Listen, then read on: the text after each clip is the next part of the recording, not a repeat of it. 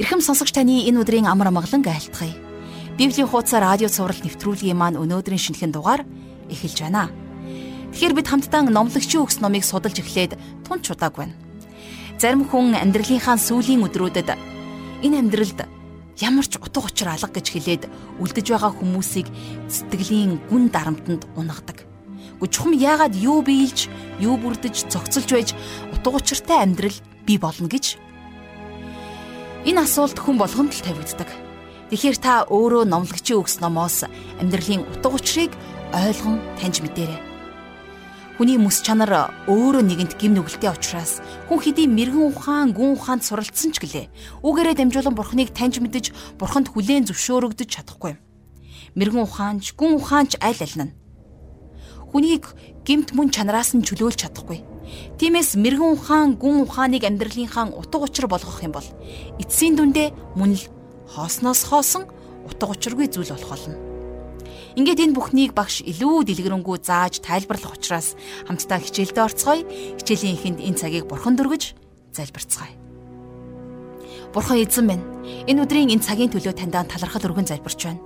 Тийм ээ эзэн минь таны үг бол бидний хүлдэх дэнлүү, бидний замдах гэрэл билээ. Энэ цагт та бидэнд гэрэл болсон үгээ бидэнд өгөөч. Энэ амьдралдаа таны хүслийн дагуу амьдрахын тулд, таны үгийн дагуу үйлдэхин тулд та ариун сүнсээрээ өнөөдрийн үгийг бидний зүрх сэтгэлд сийлэн үлдээж өгөөрэй. Энэ цагийн эхнээс нь дуус хүртэл та өөрөө удирдаарай. Бурхан эзэн минь таньдаа талархал өргөн. Эзэн Есүсийн нэрээр залбирanгуйлаа. Амен. Ингээд хамтдаа жаргал агшиг хичээлд анхаарлаа хандуулцгаая.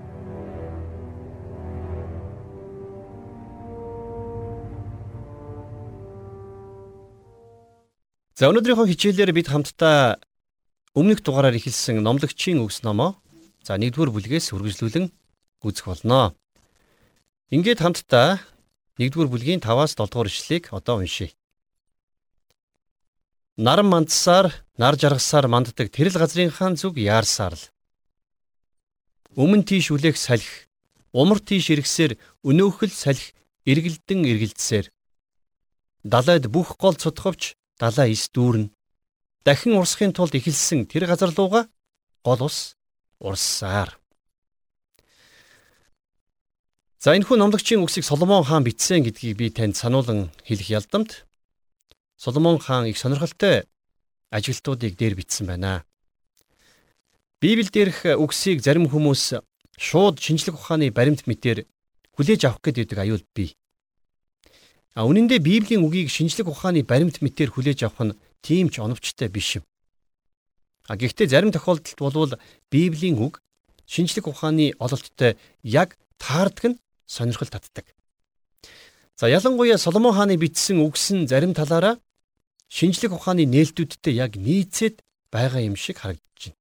Жишээлх юм бол Номлогчийн үгс номын 1-р бүлгийн 6-аас 7-р ишлэлдэр салхины урсгал хэрхэн эргэж ус хэрхэн ууршиж хур бороо болдог тухай бичсэн байдгийг зарим хүмүүс Redfield-ийн шуурганы онолт яг нийцэж байна гэж тайлбарладаг. За Номлогчийн үгс номын 12 дугаар бүлэгдэр Соломон хаан хүний хөгшрөлт болон үхлийг шүлэглэн дүрсэлсэн байдаг нь хүний биеийн анатомиг маш оновчтойгоор зүүрлэн дүрсэлсэн байдаг мэт харагддаг. За хэрвээ бид нэр номлогчийн өгс номын энэ бүлгийн 5-аас 7 дугаар ишлэлийг задлаад үзэх юм бол нилээд сонирхолтой зүйлсүүдийг олж харах боломжтой. За нэгдүгüрт нар мандсаар нар жаргасаар манддаг тэрэл газрынхаа зүг яарсаар л гэж Соломон хэлсэн тийм ээ. За энэ бол байгалийн нэг хэвийн байдлыг зураглан хэлсэн илэрхийлэл юм шиг боловч нөгөө талаасаа бол байгалийн хуулийн хөдөлшгүй найдвартай чанарыг харуулсан байна. Хэдийгээр нар дэлхийг биш, дэлхийн нарыг тойрдгоо гэдгийг бид мэддэг ч гэсэн өнөөдөр ч гэсэн нар жаргаж, нар мандаж байна гэж ярьдаг дээ. Бүхэл цаг үеийн туршид хүмүүс ингэж ярьсаар ирсэн. Гэхдээ эндээс бид нэг зүйлийг харж болно. Юу вэ гэхлээр нар хаанаас мандсан тэрл газараасаа манддаг. Хаан жаргасан тэр л газартаа жаргадаг. За өөрөөр хэлэх юм бол тодорхой байгалийн хуулийн дагуу хөдөлтгөө л гэсэн үг тийм ээ. За дараагаар нь өмнө тийш үлээх салхи, умар тийш эргэсээр, өнөөхөл салхи эргэлдэн эргэлдсээр гэж Соломон бичсэн байна. За бидний хувьд салхи тодорхой урсгалаар эргэж байдгаа гэдгийг бид сайн мэднэ. Харин тухайн үед бол энийг хүмүүс хэр сайн мэддэг байсныг би мэдэхгүй байна. Йоохны 3-ын 8 дугаар эшлэлдэр Есүсийн хэлсэн нэг ийм үг байна. Чи дууг нь сонсовч салхийг хаанаас ирж хааш оддгийг мэддэгвэ гэж хэлсэн. Тэгэхээр үнэндээ бидний хинэн ч салхийг харж чадахгүй. Салхины урсгалаас болж цагаагаар өөрчлөгдөж байдгийг бид мэднэ. За бүр саяхныг хүртэл цагаагаарыг судлах тусгай багжаар судлаад ч салхины хөдөлгөөнийг тэр бүр оновчтой тодорхойлж цагаагаарыг оновчтойгоор урдчлан хилж чаддгүй байсан дээ. А гэтэл харин салхины хөдөлгөөнийг Соломон яаж ингэж тодорхой хилж мэдэж байгаа нь сонирхолтой юм. А гэхдээ эндээс бид нэг л тодорхой дүгнэлтийг хийж чадна. Тэр нь юу вэ гэхлээр салхи салхитагтаач байгалийн хуулийн дагуу салхилж байгаа гэдгийг бид мартаж болохгүй. За 3 дугаарт далайд бүх гол цутгавч далай эс дүүрнэ. Дахин урсахын тулд эхэлсэн тэр газар руугаа гол ус урссаар гэж. Соломон хаан энд тойруу байдлаар агаардах усны уурын талаар бичсэн байна гэж хүмүүс тайлбарладаг. Ууршсан ус дээш хөөрж эргээд бороо болон газар дээр буудаг. За энэ бүх процессууд нь бүгдээрээ тодорхой байгалийн хуулийн дагуу явагддаг. Эдгээрээс тохиолдлын чанартайгаар болдог зүйл гэж ердөөсөө байхгүй. Тэгэхээр дөрөвдүгээр ишлэлийг оролцуулаад харах юм бол Соломон бидэнд өнөөгийн бидний сайн мэдих байгалийн дөрвөн янзын хуулийг танилцуулсан байна, тийм ээ. Христийг энэ дэлхийд ирэхээс мянган жилийн өмнө бичигдсэн энэ номыг тухайн үед бичигдсэн байдаг бусад номнуудтай харьцуулаад үзэх юм бол бид нар маш их ялгааг олж харах болно. Тухайн үеийн хүмүүсийн мухар сүсэг оновчгүй буруу дүгнэлтүүдийн дэргэд Соломон хааны эдгээр үгс ямар оновчтой мэрэгэн болохыг бид харж болж байна. За Соломон хааны өөр нэгэн сонирхолтой дүгнэлтийг дараагийн ишлэлээс буюу 8 дугаар ишлэлээс хамтдаа уншийе. Хамаг юм амаргүй. Хамж хилж барахгүй. Харах нүд ханахгүй. Чагнах чих дүүрэхгүй гэсэн байна. За. Тэгэхээр энэ үгийг үнэн болохыг өнөөдөр бид нэр зургт гэдэг зүйлээс маш тодорхой харж болж байна. Өнөөдөр хүмүүс олон цагаар тасралтгүй зургт үздэг. Зүгээр сууг солиод суугаад байдаг. Яагаад? Яагаад гэхэлэр тэдний нүд хараад хараад хандаггүй, чихэн сонсоод сонсоод дүүрдэггүй. Бид нар бүгдээрээ шинэ газар оронд очиж шинэ юм үзэх дуртай байдаг. Энэ бол амьдралын нэгэн баяр жаргалын нэг.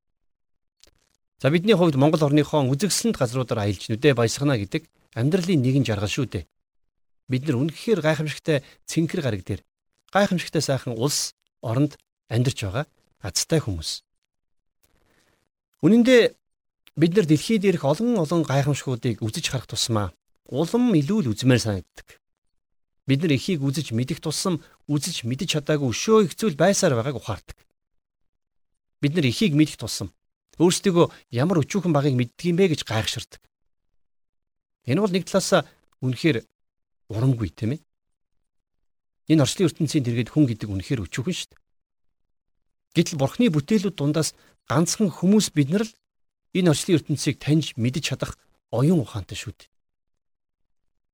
Жишээ нь шүн болсон хойно орой ноход сарлуу харан хуцахтаа дэлхийгээс сар хүртэл ямар хол вэ гэдгийг үнэндээ мэдэхгүй.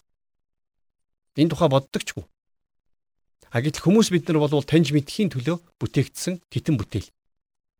Бид нар харсаар байсан ч, үдсээр байсан ч, сонссоор байсан ч ханаж чаддаггүй харин ч улам ихийг харж үзэж сонсхийг хүсдэг үстэй. За 9-10 дугаар эшлэлдэр Соломон байсан юм бах байдгаараа хийсэн юмаа хийдгэл хിവэрэ. Наран доор нэгч шин юм алга. Хараач энэ шин зүйл байна гэхээр юмс хаа нэгтэй байна уу? Аанал биднээс өмнөх алирт байсан л зүйл байна гэсэн байна. Хүмүүс ямар нэгэн шин зүйлийг нээгтээ цоошин зүйлийг бүтээж эхлэе дээ гэж боддог. Анх телевиз радиог хэрэглээнд нэвтрүүлж байхад бүгд л цоошин зүйл шиг санагдаж байсан. Зурагт радио гэдэг чинь өмнө нь байгаагүй шин зүйл шүү дээ гэж та бодож болох юм л т. За би энийг тайлбарлаж өгье. Жишээ нь хин нэгэн хүн нэг эмэгтэйд хайртай болоод тэр эмэгтэйгээ эхнэрээ болооч гэж гуйжээ гэж бодъё. За тэгтэл нөгөө эмэгтэй нь тэрний эхнэр болохыг зөвшөөрөх юм бол тэр залуугийн дотор ямар мэдрэмж төрөх вэ? А тэгвэл тухайн мөчөд тэр хүний дотор төрөх тэр мэдрэмж тэрний хүүгийн үед ч тэрний үг эцгийн үед яг адилхан төрөх болно тийм ээ. Тэгэхээр хүний амьдрал тохиолдож байгаа гуниг зовлон баяр жаргал дотор цоо шин зүйл гэж огт байхгүй юм. За мэдээж нөхцөл байдал нь өөр. Хүрээлэн байгаа орчин өөр өөр байж болох ч гэсэн тэнд тохиолдож байгаа бүхэн нь цоо шин зүйл биш юм а. Зарим хүмүүс жишээ нь атомын бөмбөг бол цоо шин зүйл шүү дээ гэж хэлж болох юм. А гэхдээ биш үү? Атом гэдэг зүйл өөрөө хүн төрлөختнөөс ч өмнө байсан шүү дээ. Харин өмнө нь хүмүүс атом гэдэг зүйл байдаг гэдгийг мэддгүү байсан тийм үе бий. А одоо бид нар энийг мэддэг болоод энийг ашиглаж сурлаа гэдэг нь цоо шин зүйлийг бий болгосон гэсэн үг биш шүү дээ. Харин ч хүмүүс атомын бөмбөг зэрэг зүйлсийг анханасаа бүтээгээгүй байсан бол илүү дээр байх байсан гэж би хувьдаа боддог. За тэгвэл компьютер шин зүйл биш үү? Үгүй ээ. Бурхан хүний дотор компьютер шиг компьютераас ч илүү агуу уураг тархийг өгсөн шүү дээ. Компьютер нь ерөөсөө л энийг дуурайлах гэсэн муухан оролдлого юм. Өөрөөр хэлэх юм бол бид нэр өөрсөддөө цоо шин янз бүрийн тоног төхөөрөмжүүдийг нээсэн ч гэсэн энэ нь биднэрт цоо шин зүйлийг цоо шин мэдрэмжийг өгч чадахгүй. Харин ганцхан цоо шин зүйл байгаа. Энэ бол дахин төрөлт. Есүс Христийг бид нэр аврагчаа болгон хүлээн авах яг тэр үед бид нэр Христийн дотроос цоо шин бүтээл болон дахин төрдөг. Энэ бол бидний амьдрал тохиолдож болох цорын ганц цоо шин зүйл юм. За 11-р эшлэл дээр Өмнөх нь дурсагдах нь үгүй, хожимынх нь ч дараагийнхандаа ис дурсагдмуй гэсэн байна. За Соломон хаан шинжлэх ухааны нээлт эрдэм шинжилгээний ажлуудаас сэтгэлийн таашаалыг эрэлхийлсэн боловч эцэстээ ийм л дүгнэлтэнд хүрчээ. Тэгэхээр хүн гэдэг үргэлж чухал онцгой нэгэн байхыг хичээсээр ирсэн. Олны өмнө гарч од болохын төлөө бүгдийг хийдэг. Гэхдээ хэдийгээр тэр бусдын анхаарлыг татаж од болсон ч гэсэн энэ нь мэдээж мөнхөд үргэлжлэх боломжгүй. Тэрнийг тайзнаас буухад дараачийн хүн гарч ирж хүмүүс өмнөх хүнийг мартаж орхидог. За тийм ч учраас Соломон энд хожимынхон ч дараагийнхандаа ис дурсагдмуй гэж хэлсэн байна. Жишээлх юм бол одоогоос 50 жилийн өмнө дэлхийн хамгийн мундаг тамирчин хэн байсныг та мэдэх үү? За 50 жилийн өмнө хамгийн алдартай дуучин хэн байсныг та мэдэх үү? Тэгэхээр бидний ой сарамж гэдэг өөрөө химжээ хязгаартай. Соломоны хувьд маш олон зүйлсийг туршиж үзсэн. Тэрээр амьдрал гэдэг лаборатори дотор хийж чадах бүхэл туршилтыг хийж дуусгасан. Хүний хувьд боломжтой бүхнийг тэр хийж үзсэн байна. Соломон хааны хувьд юу хүсснээ хийх бүрэн боломжтой хүн байсан. Өнөөдөр ч гэсэн Соломон шиг хүссэн бүхнээ хийх боломжтой хүн тийм ч олон биш л дээ. Соломон эхлээд байгаль дэлхий шинжлэх ухааныг судалж үзсэн. Эцэстээ үдэс судлаад байгаа бүхэнд нь шин зүйл нэгч байхгүй болохыг Тэр болгон эргээд өөрт нь шинэ амьдралыг өгч чадахгүй байна гэдгийг ухаарсан. Тийм учраас Соломон хаан дараачийн талбар дээр туршилт хийж үзэхээр шийдсэн байна. Энэ бол мэрэгэн ухаан, гүн ухааны талбар байсан. Хамтдаа 12-оос 13 дугаар ишлэгийг уншийе. Номлогч би Иерусалим дахь Израилийн хаан байлаа. Тэнгэрийн дор үлдэгддэг бүхнийг мэрэгэн ухаанаар шинжилэн судлахын тулд би сэтгэл оюунаа зориулв. Энэ нь Бурханаас хүний хөвгүүдийг шаналлах гэж өгсөн бэрх үүрэг юмаа гэсэн байна. Соломон энэ дэлхийн гүн ухааныг судлахад хамаг цагаа зориулсан байна. Тэрээр Есүс Христэс бараг мянган жилийн өмнө амьдарч байсан. Харин өнөөдөр бид нар Христэс хойш 2000 жилийн дараа амьдарч байна гэд бодохоор бид нар Соломон хаанаас даруй 3000 жилийн дараа амьдарч байна гэсэн үг байна, тийм ээ? Өөрөөр хэлэх юм бол Соломон хааны үеэс даруй 3000 жил өнгөрсөн ч гэсэн Үнэн дээр бид нэр Соломон хааны 3000 жилийн өмнө мэдэж байсан тэр гүн ухаанаас илүүг мэддэг болсон гэж хэлж чадахгүй шүү дээ. Өнөөдөр та бидний хэрэгжилж байгаа техник тоног төхөөрөмж илүү хөгжсөн ч гэсэн гүн ухаан мэрэгэн ухааны тал дээр бид нар илүү хөгжсөн гэж хэлж чадахгүй. За нөгөө талаас энэ гүн ухаан нь бидний зүрх сэтгэлийг бүрэн дүүрэн болгож чадахгүй юм. 14-р эшлэлдэр наран дор хийгддэг бүхнийг би үзвээс бүгд л хоосон агаад салхи хөөцөлдсөн хэрэг байх нь тэр гэсэн байна. Бүхэл гүн ухаан эцэстээ биднийг хий хоосон юмны хойноос көөцөлдөжтэй гэсэн бодолтой л үлдээдэг. Хүсхийн бол та өөрөө энэ туршилтыг хийж үзсэн ч болно шүү. Та гүн ухааны талаар олон цагаар олон хоногор судлаад үзээрэй.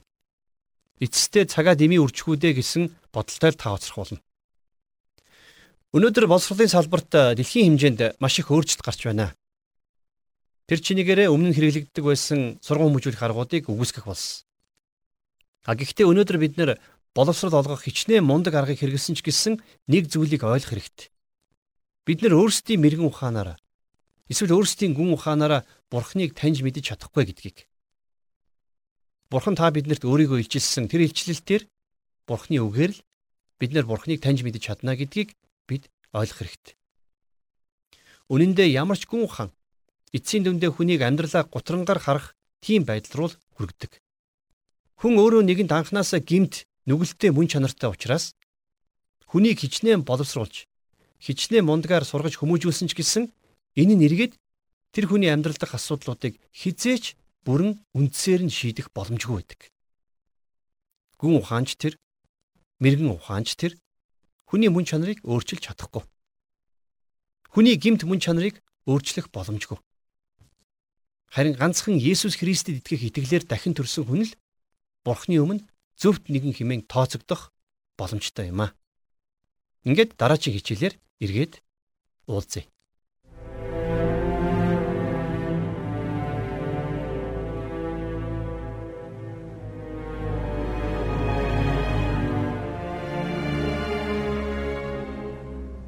Тэгэхээр өнөөдөр бид хамтдаа номлогчийн өс номын 1-р бүлгийн 5-р ишлэлээс 14-р ишлэлийг дуустал уншиж судаллаа.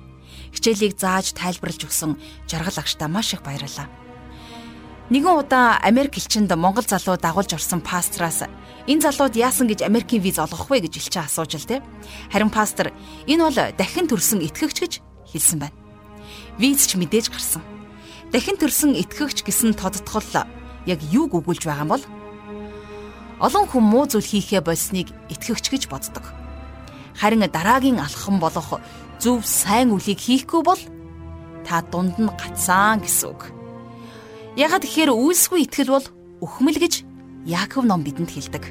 Утга учиргүй амьдрч үтсэн хүний дурдтгал хуваалцал байдлаас бичигдсэн номлогчийн өгс номоос та өөрийнхөө амьдралд юу хийх ёстойгоо харах нүдийг олоорой. Тэгэхээр дараагийн хичээл хүртэл Бурхны өнөөдөр та бидэнд өгсөн эрдний шигтгэн мэд тэрэл үгийг бясалган тунгааж мөн ам амьдралдаа хэрэгжүүлэх боломжийн төлөө түүнээс шамдан гуйцгаая. Бурхан эзэн минь таньда өнөөдрийн хичээлийн төлөө онцгойлон талархаж байна. Үнэхээр бид хэдийгээр маш их зүйлийг сурч мэдэж боловсрч мэрэгэн ухааныг эзэмшсэн ч гэсэн эзэн бурхан минь таал байхгүй бол бидний ам амьдрал хоосон байх болно. Бурхан минь та бидний амьдралд хандсан тэр бүхий л төлөвлөгөө бүхий л зорилгоодыг та бидэнд илчлэн харуулаач. Бид таны хүслийн дагуу утга учиртай амьдралаар амьдрахад та бидэнд туслаарай. Бид наранд орох амьдралаа хий хоосон өнгөрүүлэхийг хүсэхгүй байна. Бид энэ амьдралдаа хүний мэрэгэн ухаан, хүний гүн ухаанд түшиглэж биш. Харин таны үгэнд итгэж найдаж амьдрахыг хүсэж байна. Тантай хувьчилсан хайрын харилцаатай байхыг хүсэж байна. Ава та бидэнд өөрийнхөө үгийг өдөр болгон өгч, өдөр бүр таны ариун сүнсээр дамжуулан бид амь амьдралаа илүү утга учиртайгаар замчлуулахад та бидний зүрх сэтгэлийг даруй дуулууртай байлгаж өгөөрэй. Таньдаа бүх зүйлийн төлөө талархал өргөж эзэн Есүсийн нэрээр залбирanгуйлаа. Амен.